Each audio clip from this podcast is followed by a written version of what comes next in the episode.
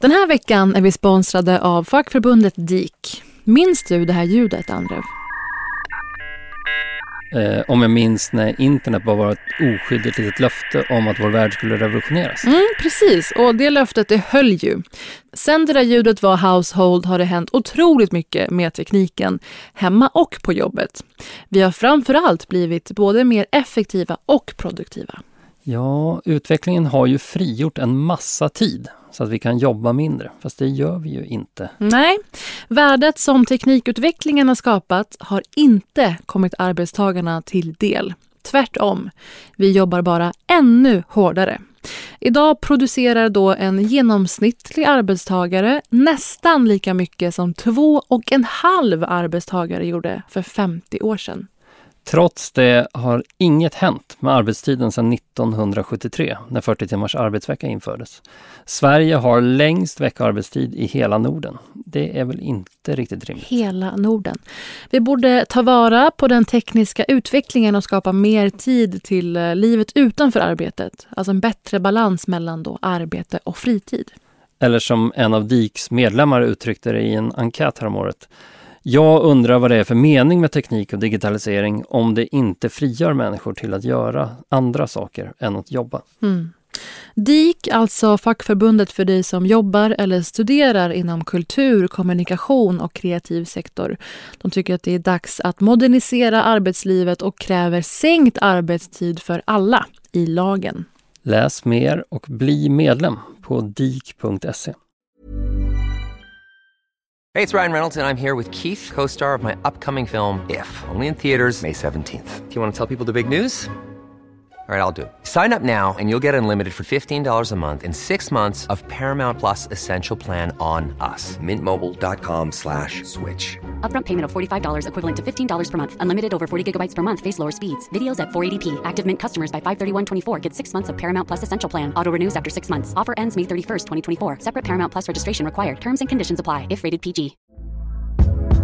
Hey there, it's Michelle Norris. I'm host of a podcast called Your Mama's Kitchen. When I travel, I'm usually looking for a way to find a taste of home when I'm not at home. And one of the things I love to do when I am at home is entertain. And Airbnb allows me to do that. When I was in California recently, I rented a house that had a great kitchen. And when we were sitting around the table, we're all thinking, we're in someone else's house. Someone could be in all of our homes as well. If you have a home, but you're not always at home, you have an Airbnb. Your home might be worth more than you think. Find out how much at airbnb.com/slash host. Imagine the softest sheets you've ever felt. Now imagine them getting even softer over time. That's what you'll feel with Bowl and Branch's organic cotton sheets. In a recent customer survey, 96% replied that Bowl and Branch sheets get softer with every wash. Start getting your best night's sleep in these sheets that get softer and softer for years to come. Try their sheets with a 30-night guarantee. Plus, get 15% off your first order at bowlandbranch.com. Code BUTTERY. Exclusions apply. See site for details.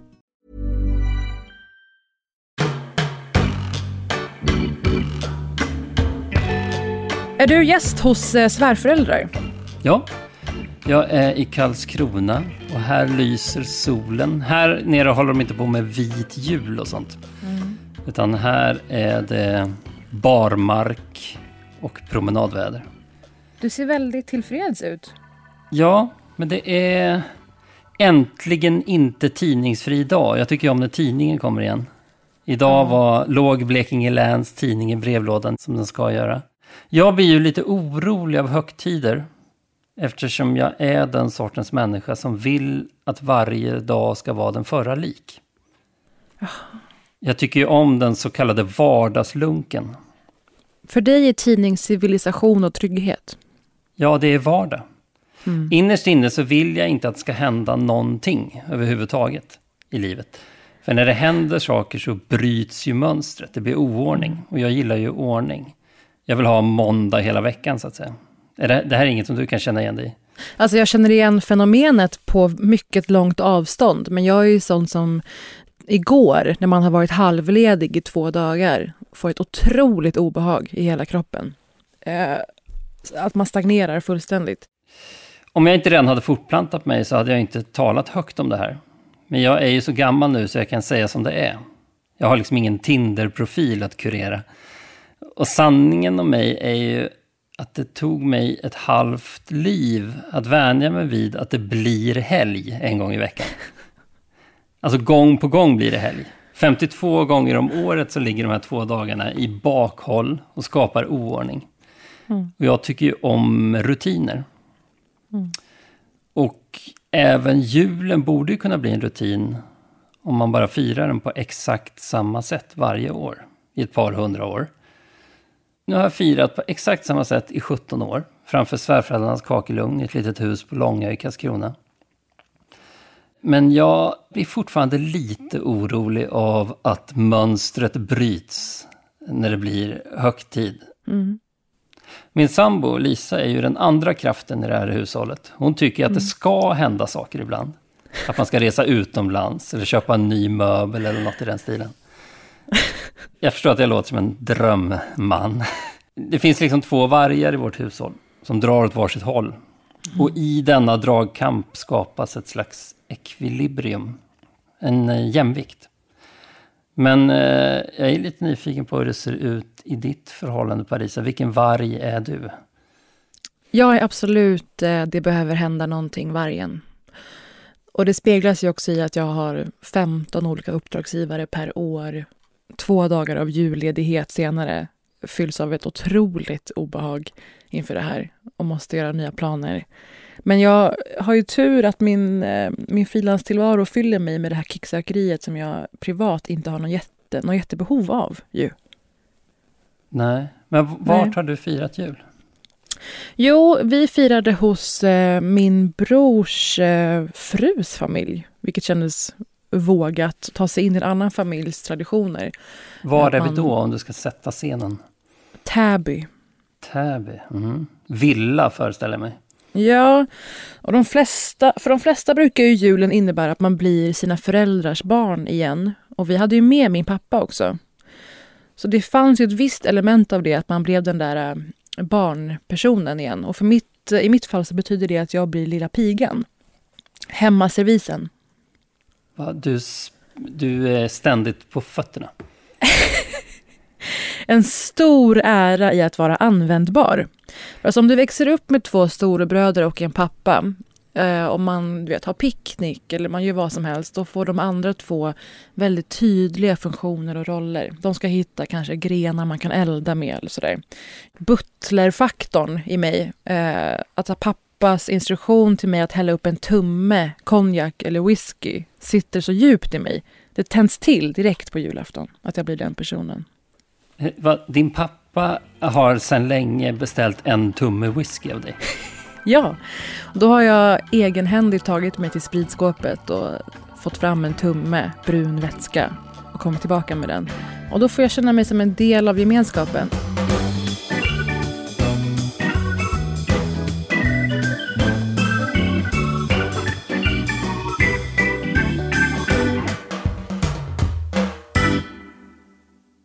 Det finns ju en lite småtrött spaning om vad 40-talister brukar säga när de tittar på Kalanka och hans vänner firar jul. Mm. Det brukar skojas på internet om att äldre människor vid åsynen av det där schackbrädet som målas med schackrutig färg uh -huh. i tomtens verkstad, liksom tvångsmässigt måste säga en sån färg skulle man ha. är din pappa så pass integrerad i Sverige att han säger en sån färg skulle man ha varje jul? Alltså, det finns inte en svenskare människa. Han har ju levt här i snart 50 år och kom hit som 20-åring. Eh, så han är ju absolut sådär gubbfolklig. Men jag kände i år att de här uppdateringarna som sker av Kalankas jul då och då för att rensa ut eh, daterade element, om vi ska använda ett rent uttryck. Det har gett en oväntat pigg dimension för oss som ser det här i medelåldern. Alltså vi som har sett det här i decennier. Nu har det kommit en ny härlig syssla när man kollar på det här. Att man sitter där och pekar ut vilka saker som plockats ur exakt var och varför. Det har gett Jaha, en härlig ny att, lägereld.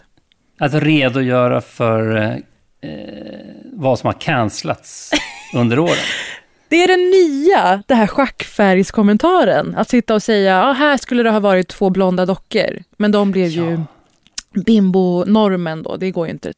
Det är det här vi ska ägna oss åt när vi blir tanter och farbröder. Men du har redan tjuvstartat. Exakt, det är våran motsvarighet till schackfärgskommentaren.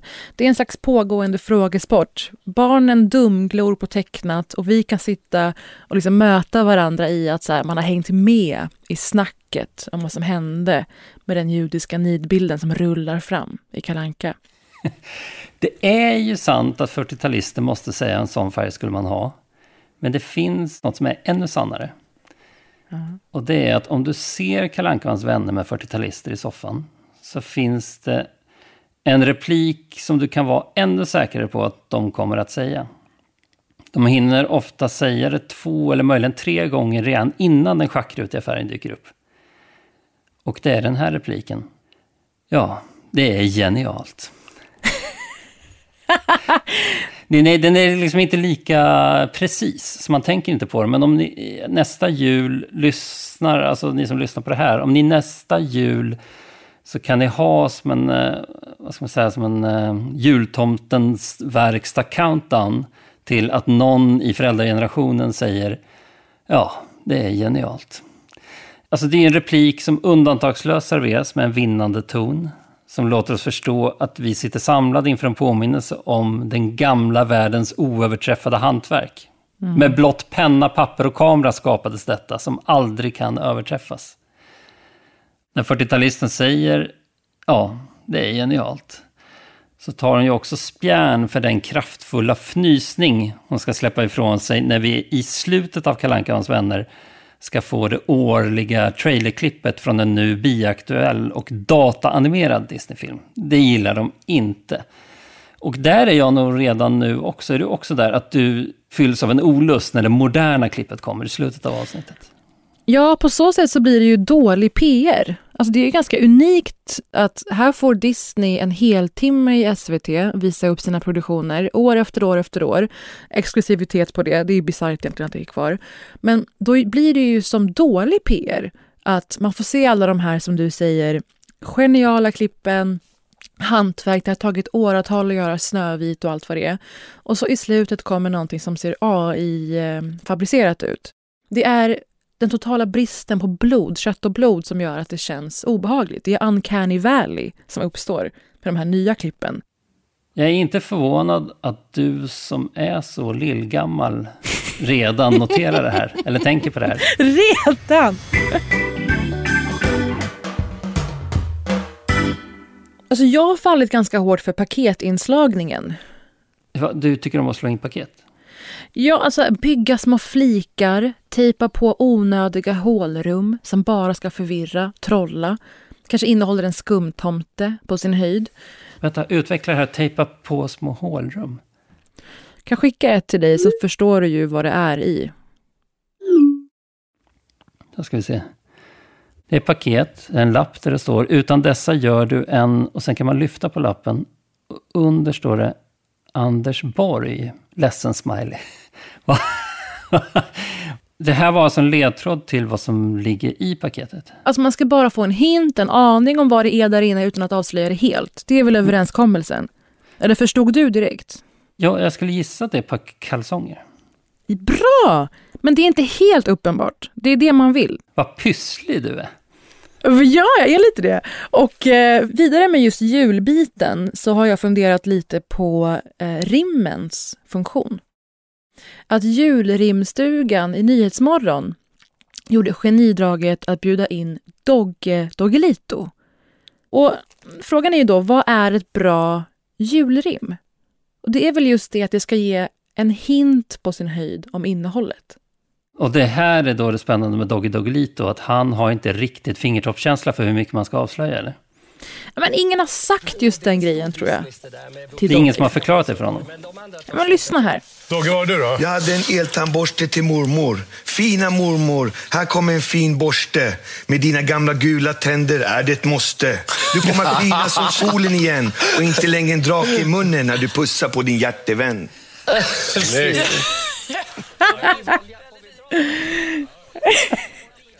Subtilt. Det är en julroast. Av mormor. Nej, men det här julrimmet får ju mig att nästan önska att min mormor levde. Alltså att du fick roasta henne. Ja, och kunde kopiera det här rakt av, hennes gula gaddar. Ja, men det här kanske är det nya. Julroast. Det är ganska kul. Men på privata julhöjdpunktslistan var absolut att eh, min kille fick köra hem oss i min pappas bil. Med min pappa i passagerarsätet dessutom. Han är med andra ord eh, accepterad då. Det är ju höjden av omfamnande för män emellan, tänker jag mig. Han har eh, skänkt honom sin dotters hand. Det är alltså stoltheten i en 50-talistman och ge en annan man nycklarna till manlighetstemplet som är ens bil. Livets centra. Det var något så sjukt drabbande över den scenen. Och som du säger, alltså att lämna över bilnycklarna, det är det närmaste jag har kommit till att blivit överlämnad vid altaret. Så överlämningen har ju redan skett. Nu är det bara rent formellt att ni ska gifta er.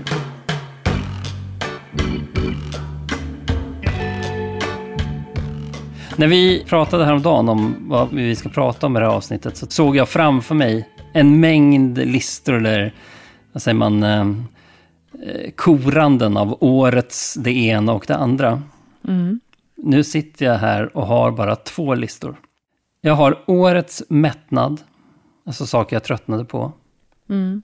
Och eh, årets tv-serier. Jag tycker det låter bra att börja med tv-serierna. Vi mjukar upp oss lite. Ja, årets serie, det är enda kategorin där jag har en topp 10. Men det känns rimligt. För även om den stora seriedöden har börjat så är ju serierna fortfarande vår tids populärkulturella lägereld. Mm. Så att säga.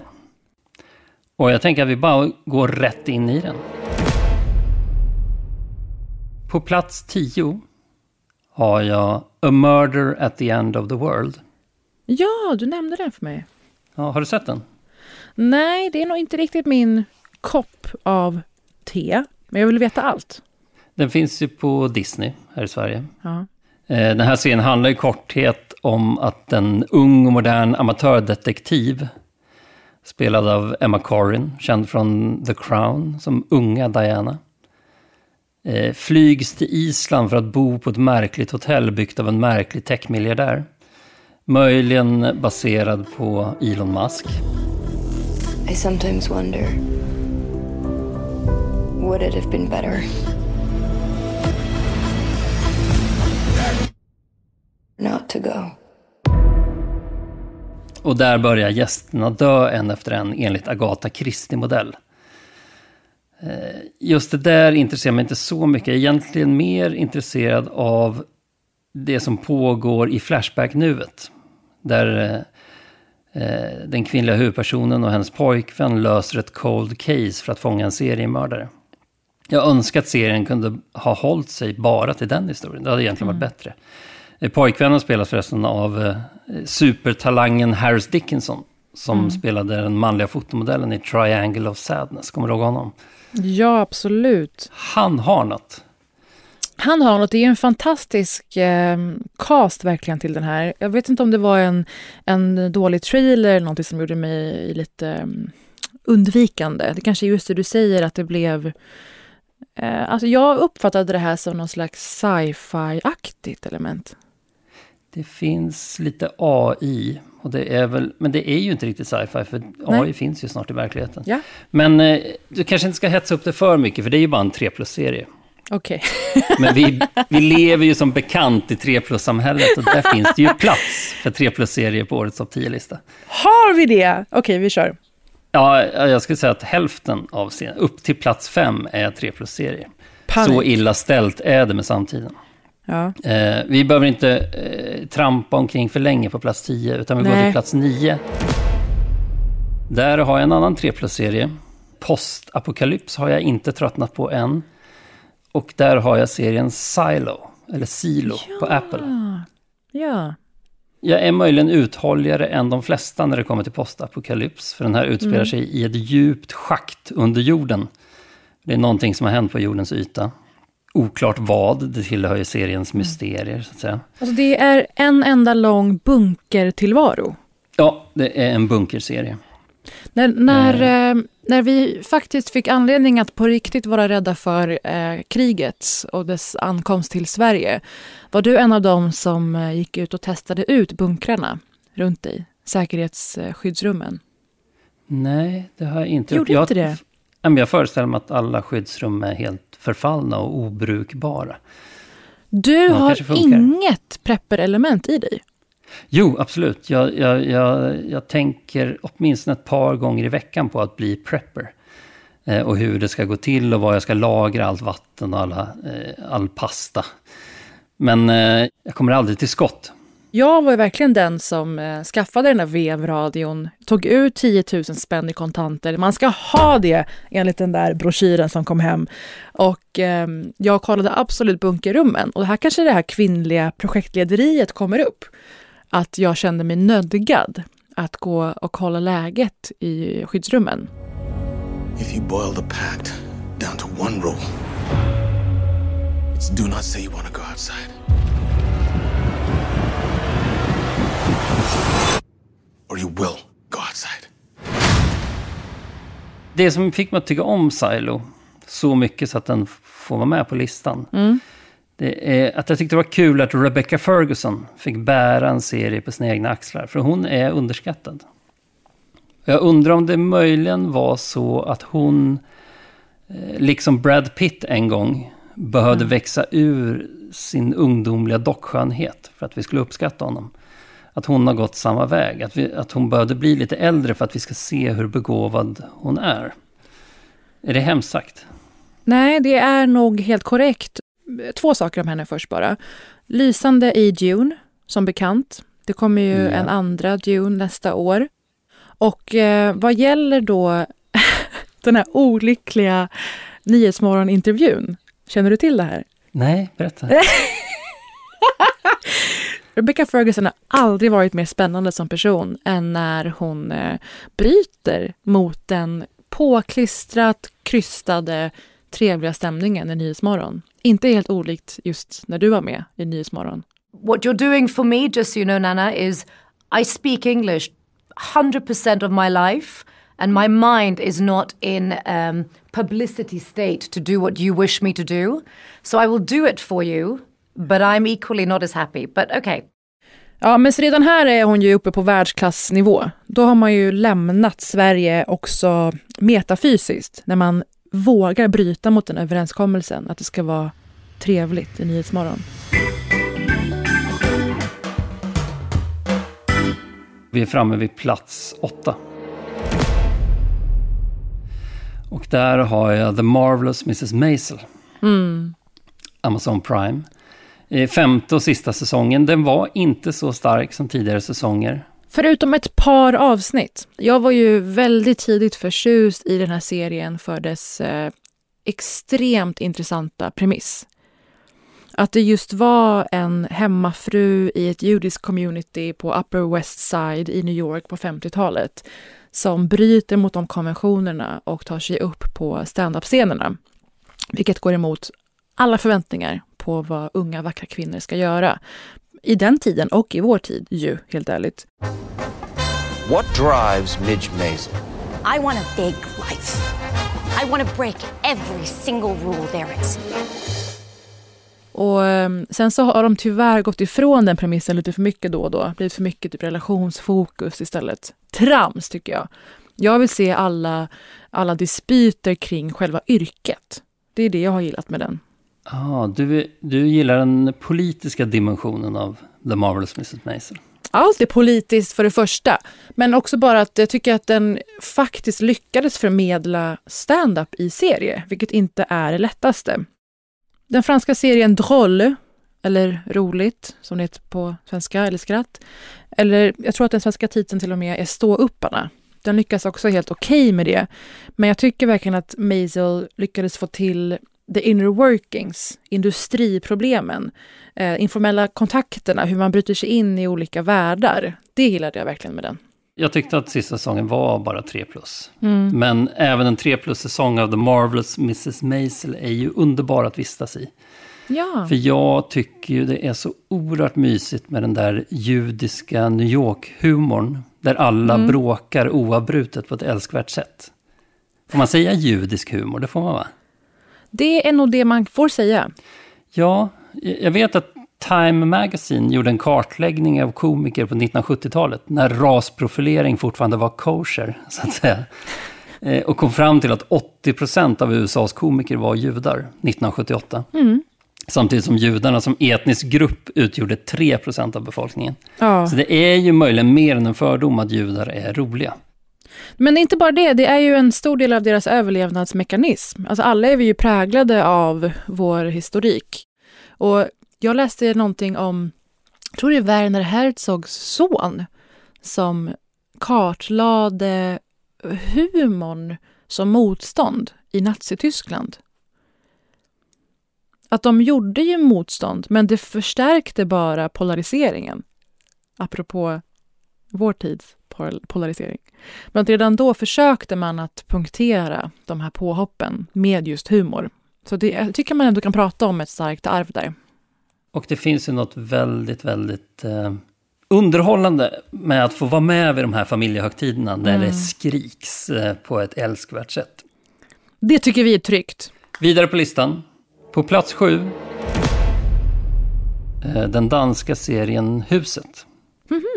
Fängelsedrama. Tre riktigt starka plus. Eh, en ordentlig dos David Dencik, det tackar man aldrig nej till. Eh, och ett väldigt fint manus av Kim Fups. Eh, som lyckas med avsikten att skildra alla karaktärer, både fångvaktare och fångar, som fångar i olika sorters fängelsen. Ingen är fri.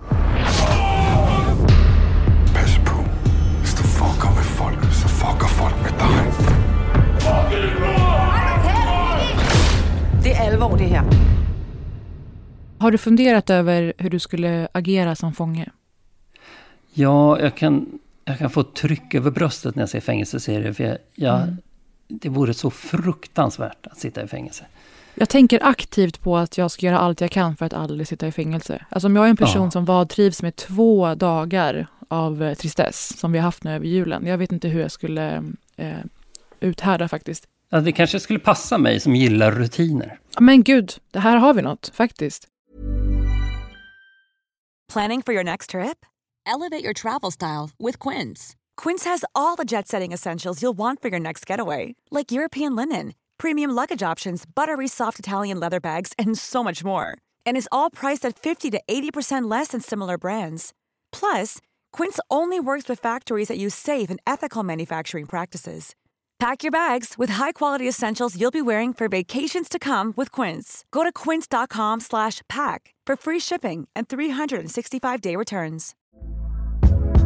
Hey there, it's Michelle Norris. I'm host of a podcast called Your Mama's Kitchen. When I travel, I'm usually looking for a way to find a taste of home when I'm not at home. And one of the things I love to do when I am at home is entertain. And Airbnb allows me to do that. When I was in California recently, I rented a house that had a great kitchen. And when we were sitting around the table, we we're all thinking, we're in someone else's house. Someone could be in all of our homes as well.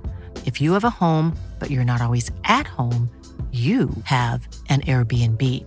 Your home might be worth more than you think. Find out how much at airbnb.com/slash host. Burrow's furniture is built for the way you live. From ensuring easy assembly and disassembly to honoring highly requested new colors for their award-winning seating, they always have their customers in mind. Their modular seating is made out of durable materials to last and grow with you. And with Burrow, you always get fast, free shipping. Get up to 60% off during Burrow's Memorial Day sale at burrow.com slash ACAST. That's burrow.com slash ACAST. burrow.com slash ACAST. Plats sex. Somebody somewhere. Nej, nu, alltså nu är vi ens på tre plus. Du tycker inte om den? Ah, I stunder. Ja. Ja, Jag tycker att eh, det här var andra säsongen som kom i år. Jag tycker att det här är en pärla som jag vet att många har missat. Många har inte ens hört talas om Somebody Somewhere, för den ser ju lite tråkig ut på ytan. Den har ju möjligen ännu mer älskvärda karaktärer än karaktärerna i The Marvelous Mrs. Maisel. ja. Och jag har nog aldrig sett någonting som känns verkligare utan att vara verkligt. Man tvivlar inte en sekund på att karaktärerna finns på riktigt. Vilket de ju i någon mån gör eftersom serien är baserad på huvudrollsinnehavaren Bridget Everetts liv. Mm. Men det finns något så akut verkligt i den här serien som jag tycker är, är väldigt mysigt att vistas i. Is that what I think it is? I love a teeny teeny, would you like a teeny teeny? I like a teeny teeny too. There's one teeny teeny and another teeny teeny.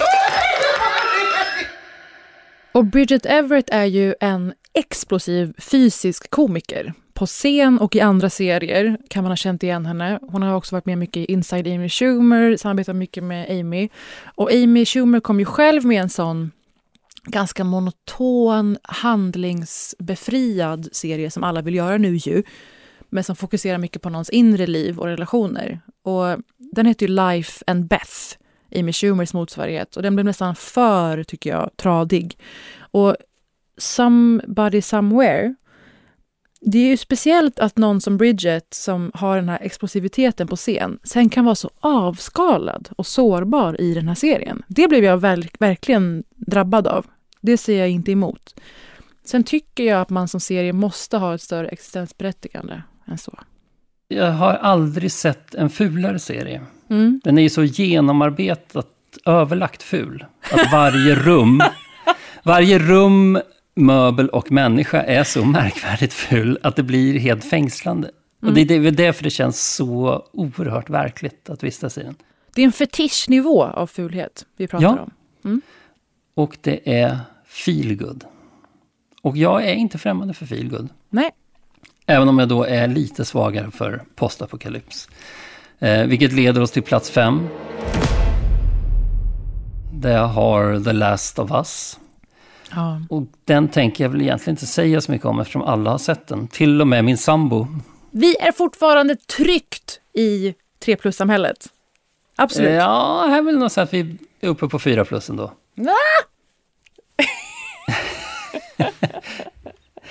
När jag skrev på min roman, den där som släpptes under hösten, mm. så var mitt löfte till mig själv, min morot när jag skrev romanen, att samma dag som den lämnades till tryck så skulle mm. jag få köpa ett Playstation 5, ett PS5, och spela The Last of Us 2.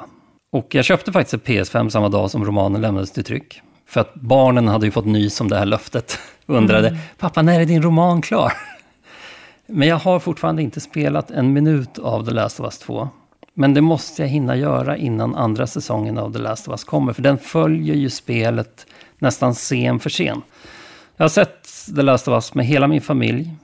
Mm. Eh, sambo, 10 och 12-åring. Och vi hade det gott tillsammans.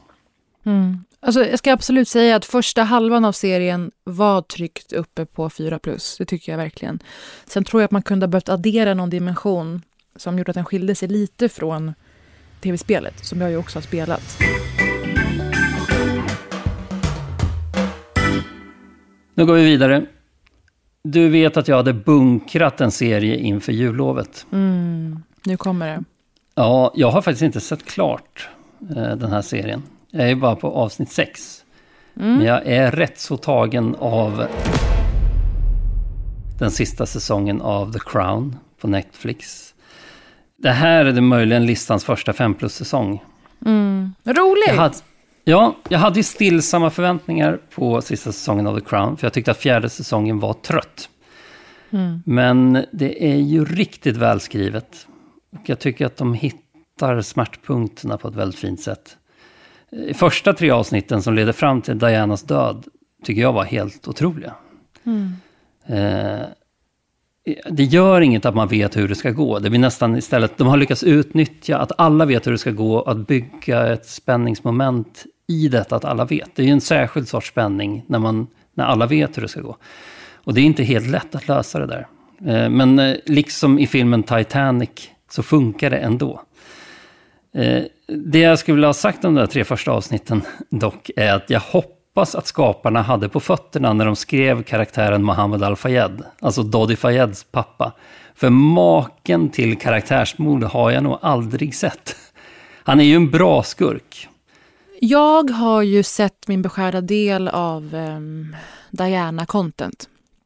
För utöver då The Crown, som du nämner nu, så finns det den här faktiskt fenomenala filmen där Kristen Stewart iklär sig prinsessan. Har du sett den? Ja, 3 plus. Nej, men den är fantastisk. Spencer från 2021. För att de lyckas få till ett element av The Shining, de får till eh, Black Swan, att det blir eh, ett skräckscenario, det som pågår. Sista helgen hon är en del av kungafamiljen och firar jul med dem en sista gång. Och eh, jag tycker att Kristen Stewart lyckas verkligen fånga det här att hon är ju absolut nedbruten av omständigheterna, men en person som bär alla känslor utanpå exakt hela tiden. Hon var aldrig rustad för det där livet. Och jag tycker att det har ju fått kanske dras till sin spets i The Crown, att hon ibland nästan känns eh, obalanserad bara. Men det var hon väl rimligen? Mot slutet, jag tror det. Det är ju jävligt svårt att hitta sin väg i det där. Hur mycket ska man göra det som victim blaming då, att hon faktiskt var oregerlig? Um, och hur mycket ska man få till att det handlar om att hon var paranoid av en anledning? Att det här hovet är på CIA-nivå nästan i vad de får till. Och det knyter de ihop då med pappans anklagelser som du är inne på. Vill du berätta lite för de som inte vet? Ja, pappan eh, Mohammed Al-Fayed, alltså Dodi Fayeds mm. pappa.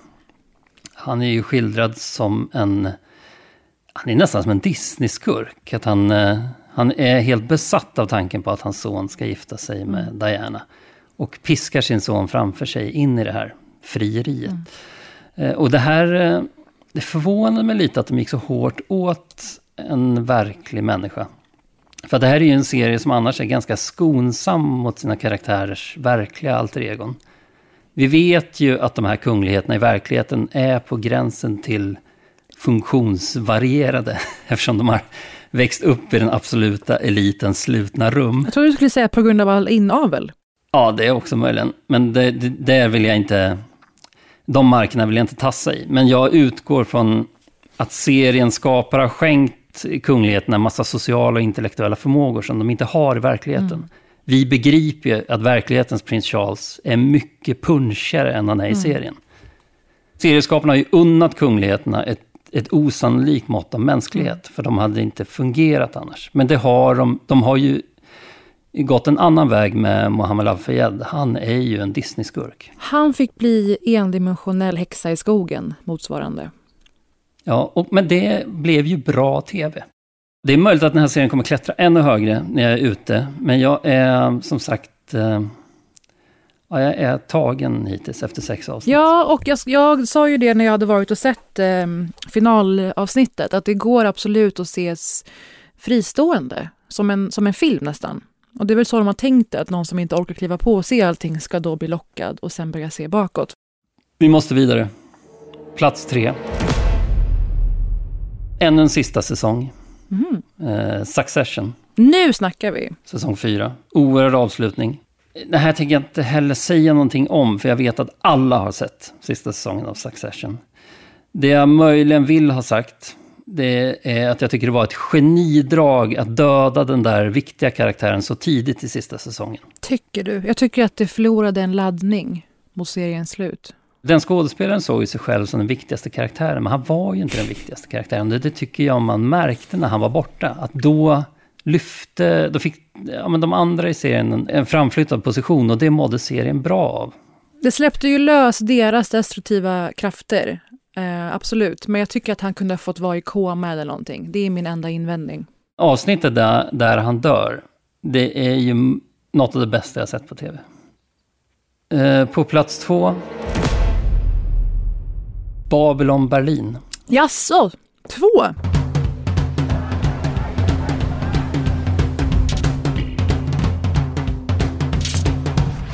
Fjärde säsongen, eller tredje om man ser den på SVT Play. Det är lite snurrigt med hur de har klippt den här serien eh, i olika länder.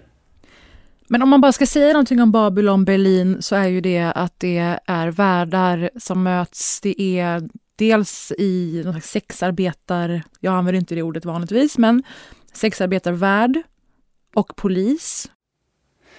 Eh, ja, men det är ju kriminalpoliser det är, finns en Tintin-energi i serien. Den kvinnliga huvudpersonen ser ju ut som en kvinnlig Tintin.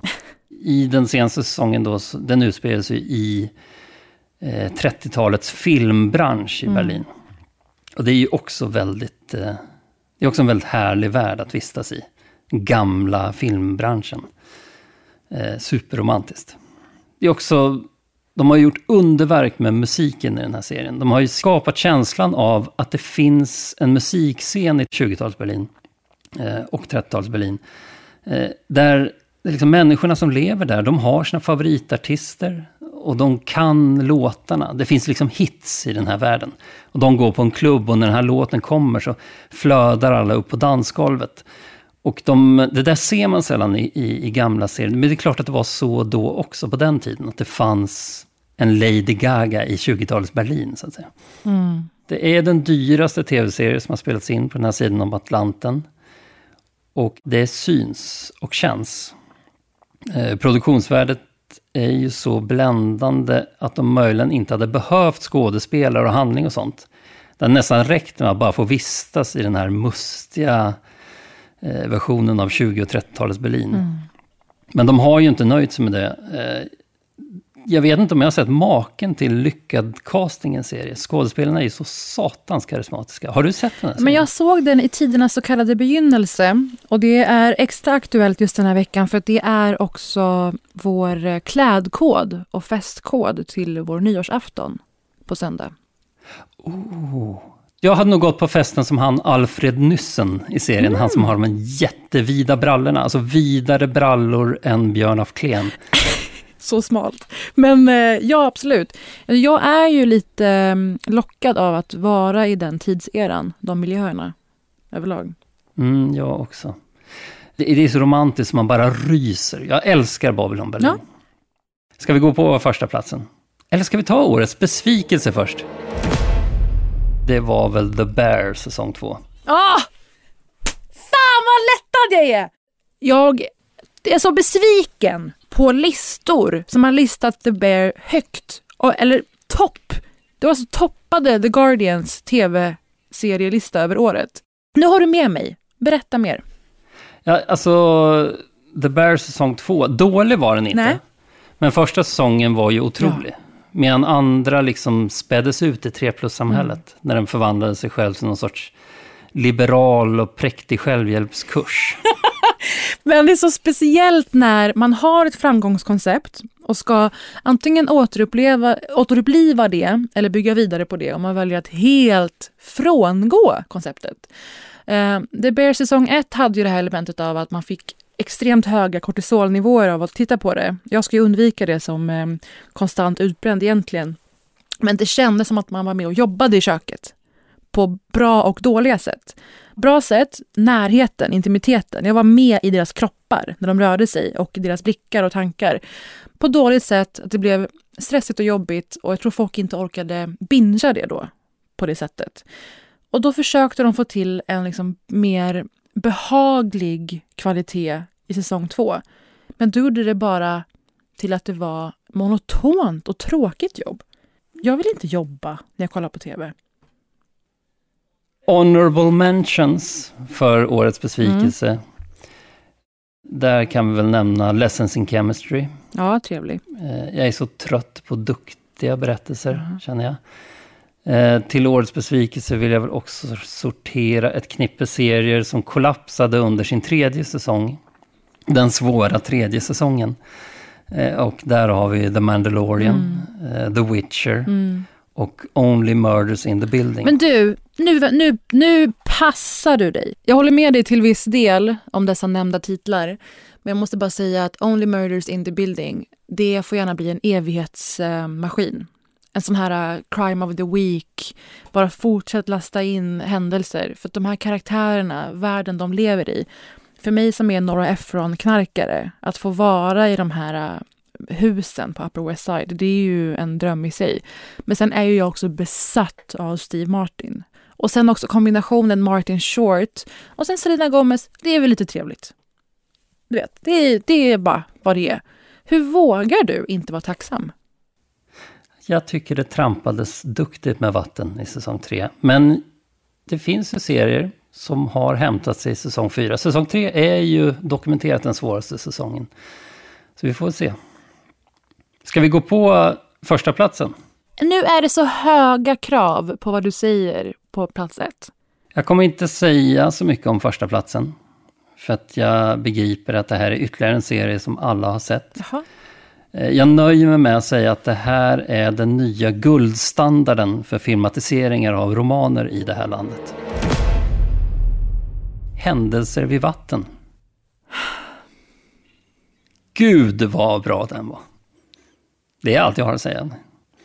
Du har en favoritkaraktär också. Ja, jag är väldigt svag för eh, Liv Mjönes. Hon spelar ju doktorns fru där va.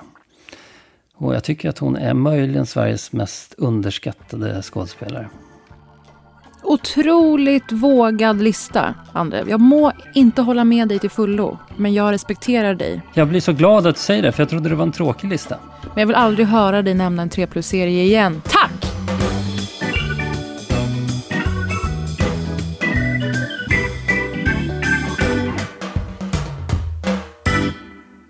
Nu ska vi då ägna oss åt lite årets utnämningar vidare.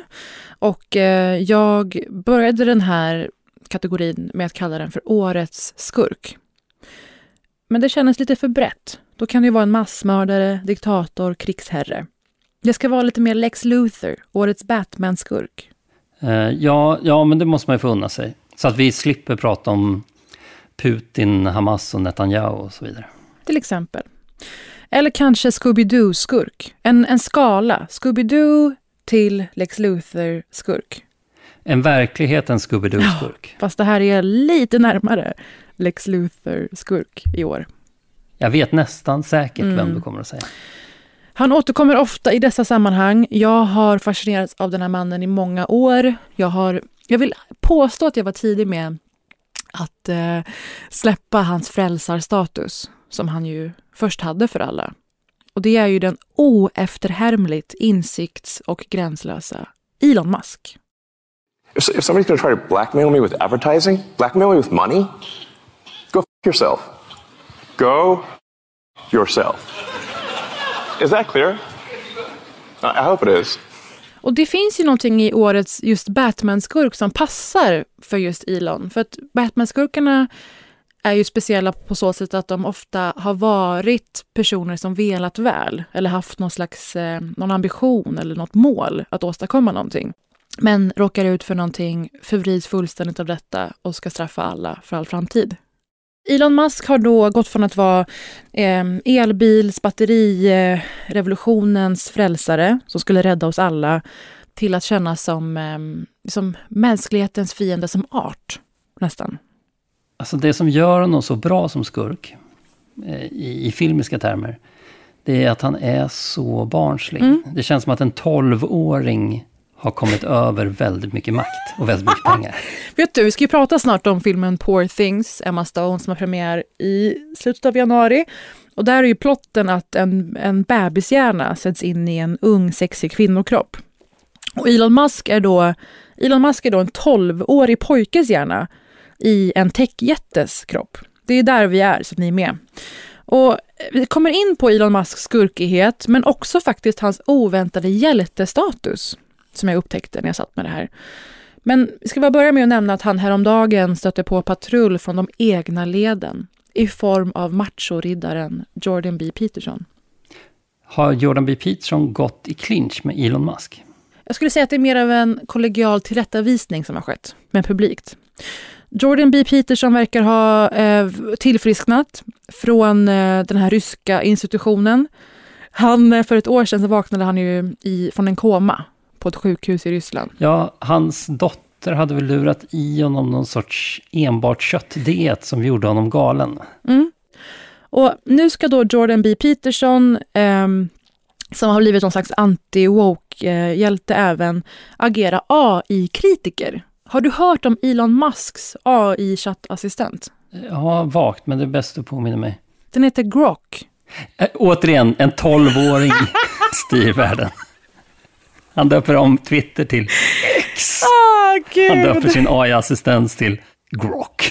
Jordan B. Peterson då, eh, han eh, anklagade den här nya chattklienten för att vara nästan lika woke som OpenAIs ChatGPT. Och eh, Musk då svarade “Unfortunately the internet on which it is trained is overrun with woke nonsense. Grok will get better. This is just the beta.” Men jag tror inte att Jordan B. Peterson kommer vara nöjd med någon AI förrän AI svarar att transpersoner borde slaktas och vita heteromän borde rätteligen dominera oss alla. Som Gud avsåg. Så det är lite av en kamp han aldrig kan vinna, tänker jag. Det här påminner mig om att vissa förhåller sig till Elon Musk och till Jordan B. Peterson med den här gamla goda. Han säger ju några bra saker också. Jag var länge förlåtande mot Musk, för jag tyckte att han satte fart på elbilsutvecklingen med, mm. med sin tolvårighet på ett sätt som planeten behövde. Men han har passerat en punkt där jag inte längre kan eh, se på honom med förlåtande ögon. Han är Nej. för för löjlig och obehaglig. Men jag tänker ofta på allt man skulle kunna åstadkomma om man hade den orädda framfart man hade som, i hans fall 12-åring, men i mitt fall kanske 21-åring. Innan man fick ansvar och budgetar och blev liksom hyvlad för ett, liksom en illvillig tolkning av något man sa på Nyhetsmorgon. Alltså den, den sortens små, små kriser, det gör ju någonting med en. Det tär ju på en. Och Elon har ju valt förhållningssättet till det att göra sig mer av Elon Musk. Man kan ju välja där. Ska jag tona ner min Elon Muskhet när man stöter på patrull eller ska jag skruva upp min Elon Muskhet? Han har ju varit att maxa på det kan man säga. Ja, det hände väl någonting när den här kvinnan dumpade honom. Grimes. Mm. Och även där hade han ju problem med eh, att döpa saker och ting. Jag syftar, jag syftar på deras gemensamma barn. X-A-E-A-X-I och Exa Dark Cedar Rail. De var 12 år gamla båda två. Världens Men... yngsta föräldrar. När vi pratar om Elon Musks skurkaktighet, då menar vi inte bara att han är outhärdlig rent privat socialt, utan att han ju Eh, med Tesla också för ett krig mot eh, det han kallar för wokeness, men vilket andra kan mena är bara helt ehm, rimliga sätt att vara chef eller att vara medmänniska. Han vill betala eh, lägre skatter, flyttar Teslas fabriker. Han använder helt enkelt sitt överläge. Och så köpte han X och ska göra det fritt, som det heter. Han har gjort det helt outhärdligt att vistas på. Jag har nästan lämnat Twitter. Ja, många har det. Och nu har det kommit anklagelser om att vissa eh, källor blir eh, förfördelade. Alltså mm, att eh, källor som har kritiserat Tesla, till exempel Aftonbladet, påstår att de märker att deras länkar eh, döljs på X. Ja, det återstår ju att se mm. om det här verkligen är på grund av någonting eh, X eller Elon Musk har gjort. Eller om mm. det är att det är någon olycklig omständighet. Men om, om det här stämmer, att Elon Musk har eh, blockerat medier som är kritiska mot honom, så är mm. ju det oerhört allvarligt. Då går vi från Scooby-Doo-skurk till Batman-skurk på riktigt. Och, ja, då har vi faktiskt en riktig Batman-skurk i, ja. i verkligheten. Men nu när vi har befäst den här då vardagliga skurkaktigheten från Elon Musk så måste jag säga vad som gör honom till en oväntad hjälte just i år. För ja. nu kommer vi även in på årets oväntade hjälte inuti årets Batman-skurk. Och eh, oh, det är En kategori att... i en kategori. det är att Elons skurkaktighet har lyckats återupprätta en del Sverigestolthet. För fan vilket slitigt år det har varit som svensk. Här har man behövt argumentera för att man är svensk i 30 år. Som då halvsvensk, halvpersisk, brun, stornäst person. Men i år så blev det så att man kanske inte var lika ihärdig med att påpeka i alla rum att man är svensk. Man kanske till och med låtsas att man är dansk eller norrman när man kommer till en semesterort utomlands. Om någon skulle råka göra den, det misstaget, då hade man bara spelat med. Oh ja. Och jag som, eh, det ropas efter mig att jag är från Bangladesh, Italien, allt möjligt. I år har jag bara köpt de här etiketterna kan jag säga. För att jag var ju på semester i Italien i somras, liksom du, men på annan ort.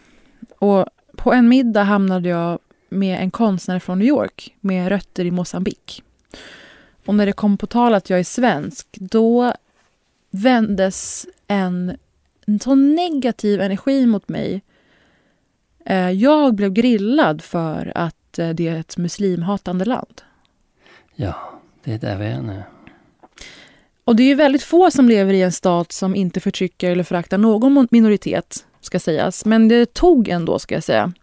Hon sa, eh, hur känns det att leva i ett land som hatar muslimer? Med en anklagande ton som jag fortfarande kan fundera lite på. Eh, för att hon kanske inte såg, hon kanske inte kunde okulärbesiktiga mitt utseende. Jag förstår vad du menar. Ja, det är ju muslim-adjacent, mitt utseende. Ja. Och min familj är ju kulturella muslimer. Så hon grillar mig om detta. Och då visade det sig att det var då den här rubriken eh, att svenska staten citat approves of Koran burnings hade fått fötter. För att det kan ju då tolkas som att svenska staten stöttar koranbränningar. Och det är så den tyvärr tolkades av väldigt många människor. Det är ju inte helt falskt eftersom Sverige i praktiken styrs av Sverigedemokraterna. Men stöttar som i uppmuntrar till, hade hon tolkat det som. Och att då är vi alla medskyldiga som svenska medborgare till att detta sker. Snarare än att svenska staten påstår att de inte lagligt kunde förhindra det. Så då blev jag islamofob försvarare nummer ett där på restaurangen. Vilket ju fick mig att verka ännu mer misstänkt i hennes Du var inte helt bekväm i rollen. Nej, det var en väldigt märklig rollfördelning just den dagen. Och varför tar jag upp det här då? Jo, det har varit tufft att vara svensk av många skäl i år. Men på senaste tiden så har Musks öppna konflikt med IF Metall fått en att känna en otrolig kollektiv gemenskap och stolthet över svenskheten som jag har saknat. Fackets styrka och storhet. Har du sett det här? Mm. Jag känner lite, lite samma faktiskt. Ja, och nu har det spritt sig till liksom andra branscher. Da någon dansk gren är också med på ett hörn. Svenska arbetare kan, få, kan rubba en sån gigant, att han ens måste uttala sig i medier, att han stämmer svenska staten, att han kräver förändring. Och det som har skett då är att det känns som att arbetsrätten är det vi kommer ha med oss genom det här stålbadet på svensk medmänsklighet. Att det är det enda kvarvarande element vi har av svenska exceptionalismen. Uppluckrat, försvagat, men det finns fortfarande där. Och i mitt flöde får jag då plötsligt upp ett klipp där olika svenskar har blivit ombedda att skicka ett budskap, ett meddelande till Elon Musk. Och jag blir tacksam för att han som oväntad hjälte får mig att känna så här för mina medmänniskor i Sverige. Och att det finns en sån stolthet som lyser i deras ögon när de ska försöka då säga åt honom. He shouldn't do this. He should respect our way of doing things in Sweden. I think it's going to hurt them. The Swedish model is 100 years old and is very well rooted. Uh, and there is a good reason for that. A lot of people fought hard over many years for their rights. Mm. Nu kommer den här underbara kvinnan. Well, my message to Elon Musk is get real. Oj, vad älskvärd. Totalt älskvärd. Jag vill se henne möta Elon Musk och allas våra vägnar. Hon är Batman. Hon är Batman.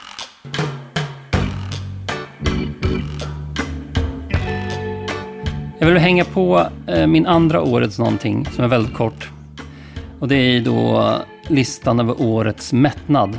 Saker Mm. jag tröttnade på. Och där har jag bara plats ett.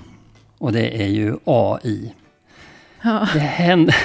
Alltså artificiell intelligens. Det Mm. hände ju något väldigt intressant och banbrytande här. Att AI blev det första vi tröttnade på innan det har hänt. Mm.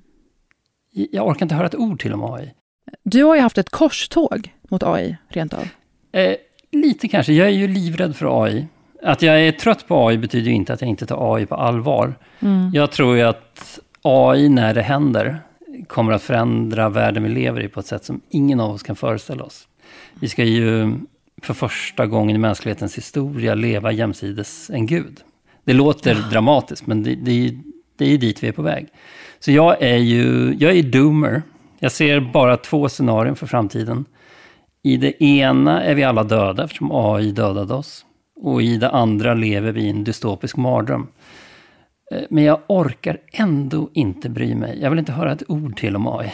Alltså kanske är det samma impuls som att vi vet att det är klimatkatastrofen som kommer göra att våra barn eller barnbarn måste ägna dagarna åt att hitta rent vatten eller skydd från tyfoner. Men inte fan orkar vi hantera det för det. Nej, nu kommer vi förmodligen inte hinna gå under av klimatkatastrofen för att AI har seglat upp som, som det mest sannolika hotet. Känner mig bekväm med att ta farväl av 2023 i och med att vi har upprättat det här lilla helvetet att kunna mötas i. Det känns tryggt på något sätt och lovande. Vi kanske inte kan hejda AI, men vi kan prata om att vi inte orkar prata om AI. Vi kan mötas i detta helvetet i helvetet. Ja, det ger någonting. Det är kanske en falsk tröst, men det är en tröst. Jag är lite besviken på att jag inte lyckades formulera någon kategori om Romina Pourmokhtari. Men jag tror att hon bara får vara årets Romina. Ja, hon är ju årets någonting. Så Ja. mycket är ju säkert. Eh, Jag kan inte heller riktigt formulera mig där än. Vi kan väl återkomma till henne. Ja, och bara att man säger årets Romina till folk så har man ändå alla en gemensam definition. Jag har nämnt det för två, tre personer. Och det är någon slags, ett, orubblig nöjdhet. Två, skev självuppfattning. Och liksom då Elons 12-åriga hjärna så undrar man ibland vad hade man kunnat åstadkomma med ett uns av den framfarten. Nu ger du dig på en definition av årets Romina. Jag är inte redo för det riktigt än. Mm. Men eh, jag, jag har på känn att det inte är en komplimang. Nästa år kommer jag försöka mig på att ha en promille av Romina i mig och Elon. Vad nu det innebär. Men med det sagt ska vi säga tack och hej för 2023. Det är väl nu, det är väl dags. Det kan vi väl göra. Mm. Gott nytt! Gott nytt.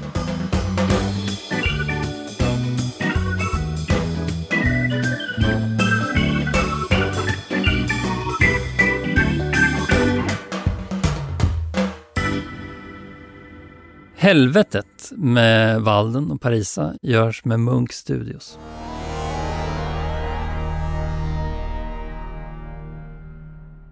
Mitt flöde.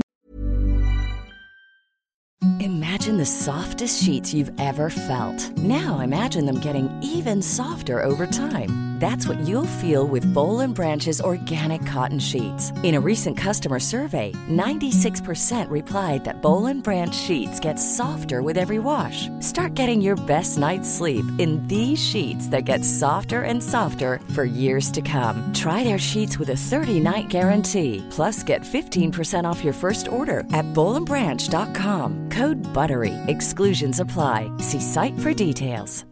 Hi, I'm Daniel, founder of Pretty Litter. Cats and cat owners deserve better than any old fashioned litter. That's why I teamed up with scientists and veterinarians to create Pretty Litter. Its innovative crystal formula has superior odor control and weighs up to 80% less than clay litter.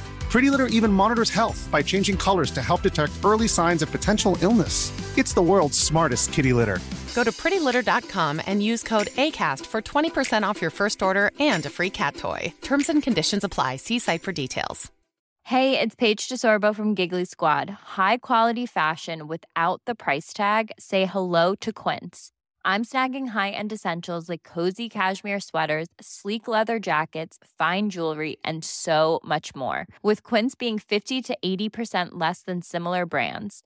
And they partner with factories that prioritize safe, ethical, and responsible manufacturing. I love that. Luxury quality within reach. Go to quince.com slash style to get free shipping and 365 day returns on your next order. Quince.com slash style.